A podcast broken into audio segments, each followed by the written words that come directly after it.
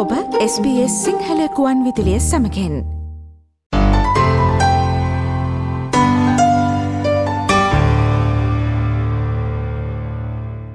මානසික ගැටලු සම්බන්ධයෙන් අපි පහුගිය කාලසීමාව පුරාත් SBS සිංහල සේවෙන් විවිධ සාකච්ඡාවන් ඔස්සේ ඔබට තොරතුරු ගෙනීම සිද්ධ කළා. අදත් අපි සූදානම් වෙන්නේ වැනි මාකාරය අපි බොහෝ දෙනෙක් මුහුණදීමේ හැකියාවක් තිබෙන මානසික ගැටලුවක් වන ඇන්සයිටි ඩිසෝඩ සෙහමත් නැත්තම් කාන්සාාව ආශ්‍රිත මානසික ගැටලු සහ එය පුද්ගල මානසික සෞඛ්‍යයට බලපාන ආකාරය පිළිබඳව කතා බහ කරන්න. ඉතින් මේ සඳහා අද දවසේදී තෙස්පිය සිංහල සේවයක් සමඟ සම්බන්ධ වනවා විශේෂඥ මනෝවෛද්‍ය නිසංසලා ලියනගේ වෛද්‍යතුමිය. අයිබෝන් වෛද්‍යතුමියනි අයිබෝන් නිපුණ වෛදතුමනි මුලින්ම මං කැමති ඔබෙන් දැනගන්න මේ ඇන්සයිඩි ඩිසෝඩ සෙහමත් නැතම් කාන්සාවාශ්‍රිත මානසික ගැටලු කියන්නේ මොනවද කියන කාරණාව. ඔව් නිබුණ මහිතන ඉතාමත් වැදගත් මාතෘකාවක් කාන්සාව ආශ්‍රිත මානසික ගැටලු ගැන කතා කරන්න ප්‍රවේශයක් ගන්න මම හිතුවා මුලින්ම මොකද්ද කාන්සාව කියන්නේ කියලා ඉස්සෙල්ලා තේරුම් අරගෙන හිටියොත් අපිට ලේසි වෙයි කියලා. යම්කිසි තර්ජනයකට එහෙම නැත්නම් අවදානමකට සූදානම් වීම සඳහා අපගේ ශරීරයේ හැඩ ගැස්සීමේදී දක්වන ප්‍රතික්‍රියාවට තමයි අපි කාන්සාවක් කියලා කියන්නේ. ඒ කියන්නේ ඇන්සයිටි රියැක්ෂන් එකක් කියලා කියන්නේ.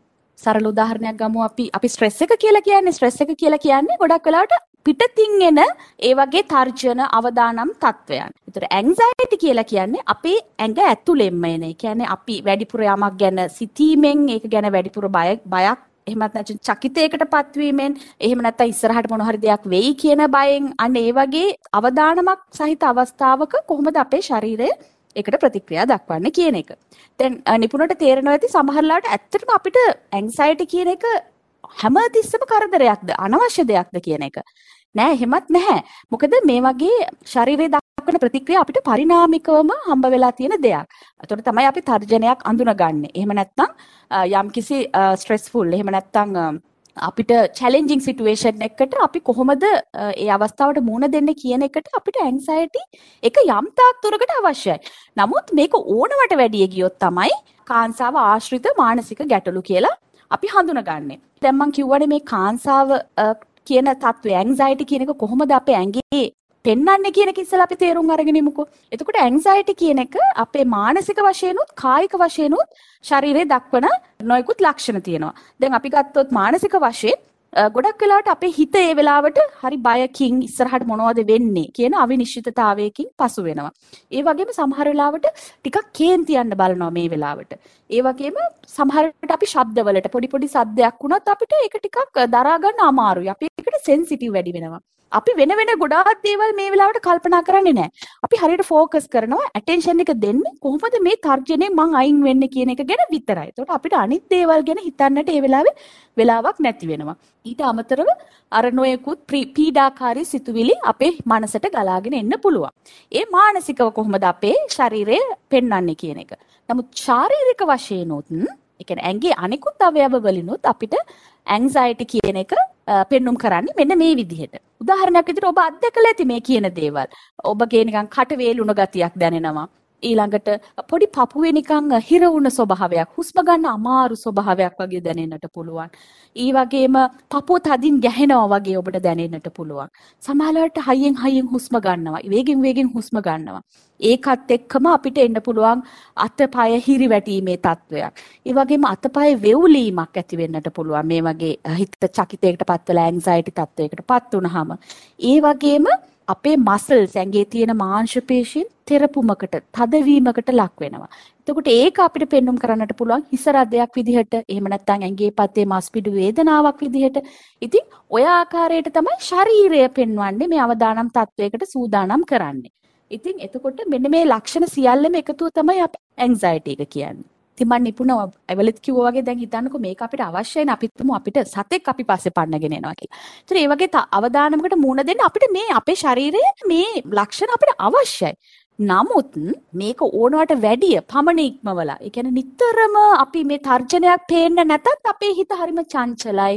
ඒ වගේම මේක සාමාන්‍ය කාලයකට වැඩිය පවතිනවා. නිතරම මනසට වද දෙන ස්වභාවයක් තියෙනවා නම්. ඒ වගේම අපගේ මේ මේ ලක්ෂණ නිසා සාමාන්‍ය ජීවිතයට බලපෑමක් එල්ල වෙනවා නම් ඔබගේ රැකියාවේ කටයුතු, පවුලයත් සමග ඔබ ගනුදෙනු කරන හැටි, යහළු මිතුරන් ඇසුරු කරන හැටි, මේ වගේ සාමාන්‍ය ජීවිතයටත් මේක බලපාන අවස්ථාවක අපි කියනවා කාන්සාව ආශ්‍රිත මානසික ගැටලුවක් තමයි ඇති වෙලා තියෙන්නේ කියලා.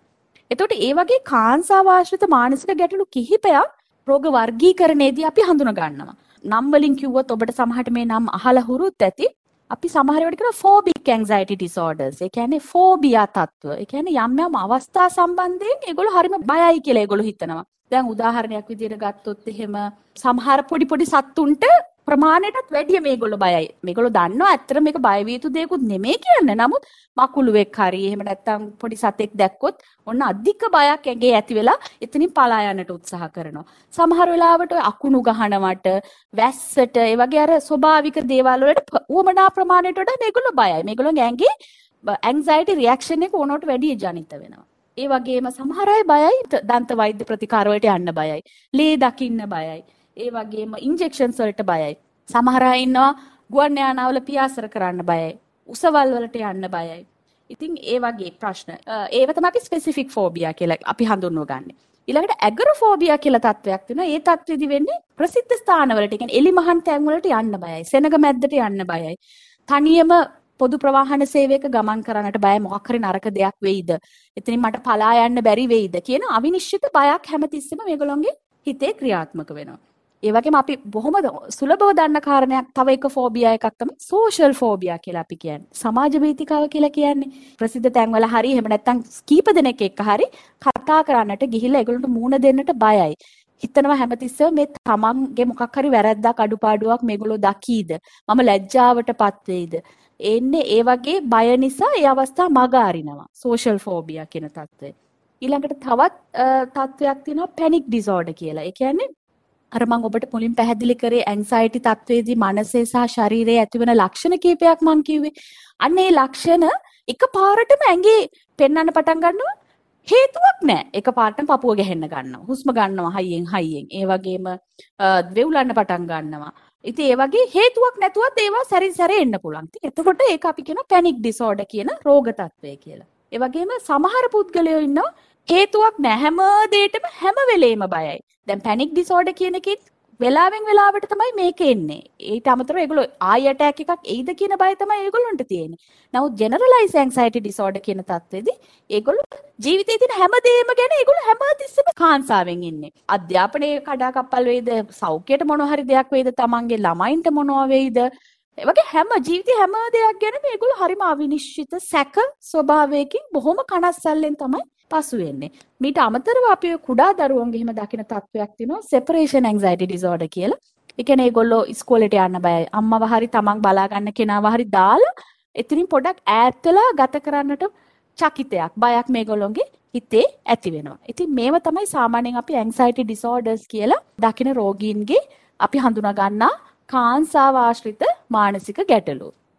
හොඳයි කාන්සාවාශ්‍රිත ආබාධවලට මුහුණ දී ඇති පුද්ගලයින් මොන වගේ හැසිරීම් ලක්ෂණද පෙන්වන්නේ වෛද්‍යතුමියනේ?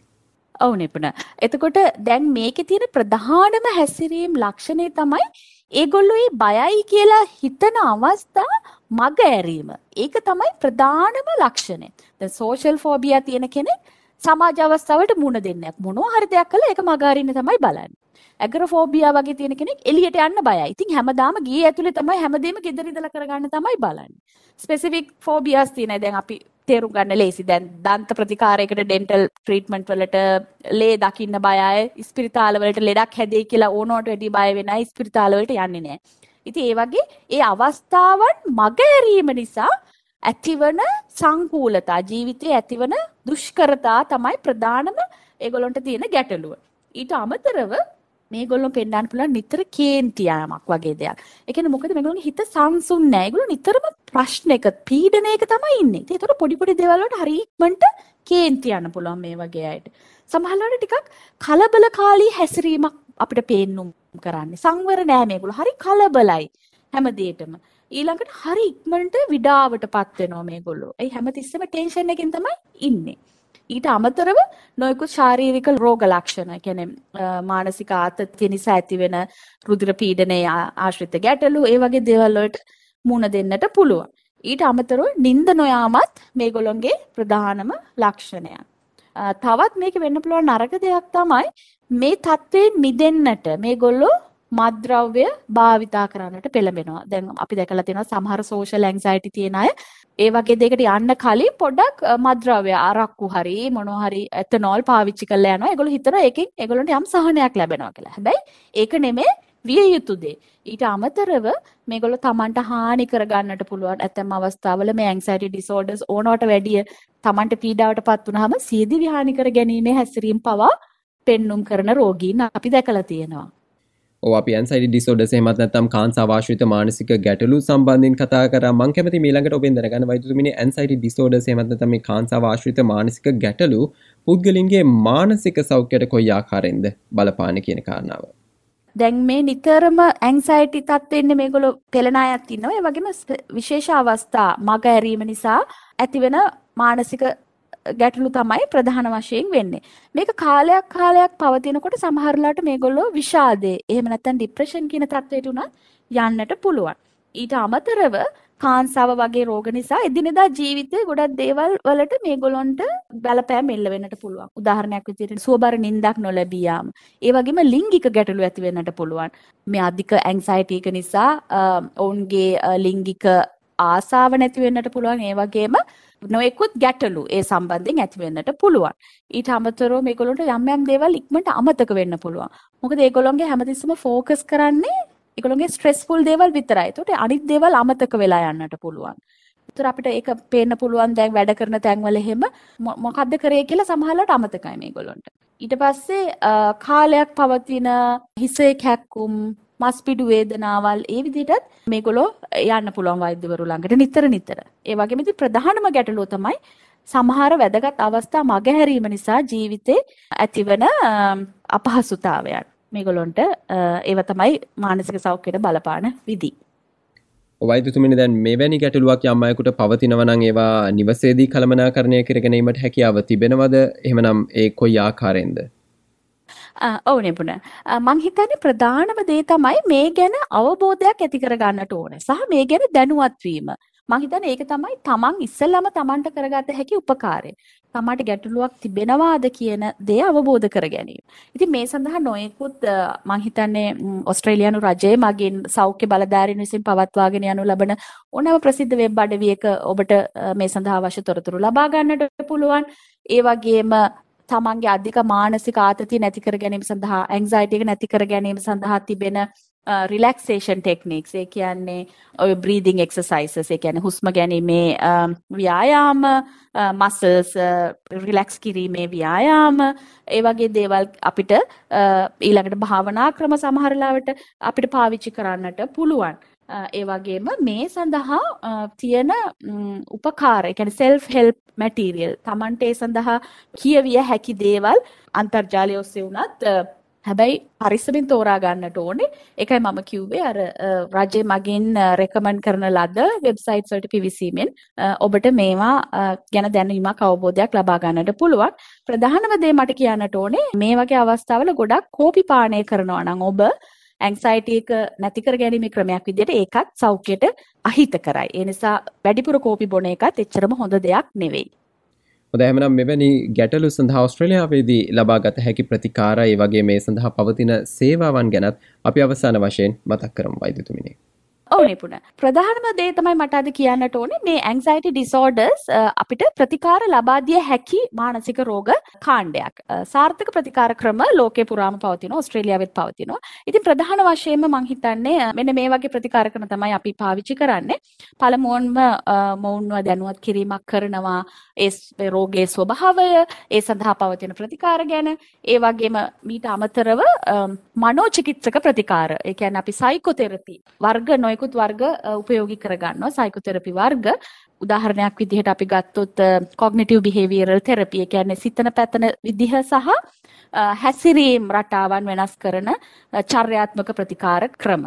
ඒ වගේම ෆෝබියා වගේ තත්ත්වවලදී අ, ක්‍රමයෙන් ඒ කියන්නේ Tamanට අධික තර්ජනයක් නොවන විදිහට ක්‍රමක්‍රමයෙන් හෙමින් හෙමින් කොහොමද Tamanට ඒ බියජනක අවස්ථාවලට අ, මුහුණ දීමෙන්ම මේක ගැටලුව මගහරවා ගන්නේ කොහොමද කියන එක උදව් සහිතව එනිසා ඒකට බය වෙන්න ඕනේ නෑ අයියෝ මට මේක කරන්න වෙයිද ගිය ගමන්ම කියලා. එහෙම නෙමෙයි. ක්‍රමයෙන් තමයි ඒක වෛද්‍යවරුන් සහ ඒ සඳහා පුහුණුව ලැබූ සයිකොලොජිස්ට්ලා ඉන්නවා ඕස්ට්‍රේලියාවේ. ඒගොල්ලෝ අ, ක්‍රමානුකූලව ඒ ප්‍රතිකාර ක්‍රම ඔබට අ, ආරම්භ කරනවා.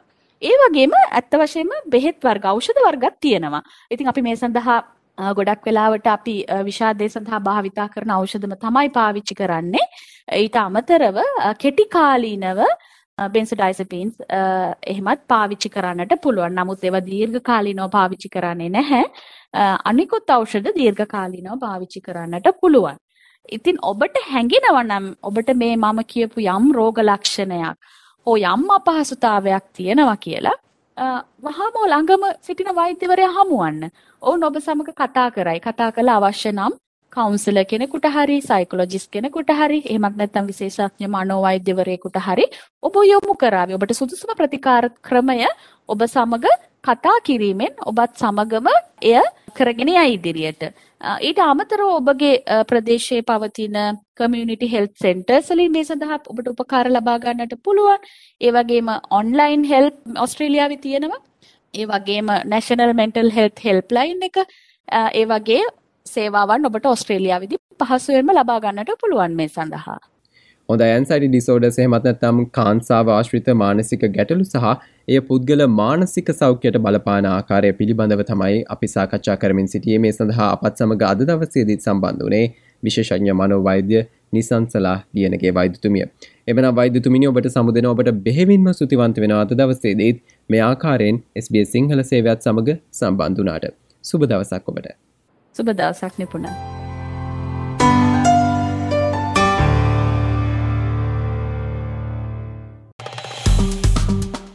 ලයි කරන්න ෂයා කරන්න අදහස් ප්‍රකාශ කරන්න SBS සිංහල ෆස්බුක් පිටුව ෆලෝ කරන්න.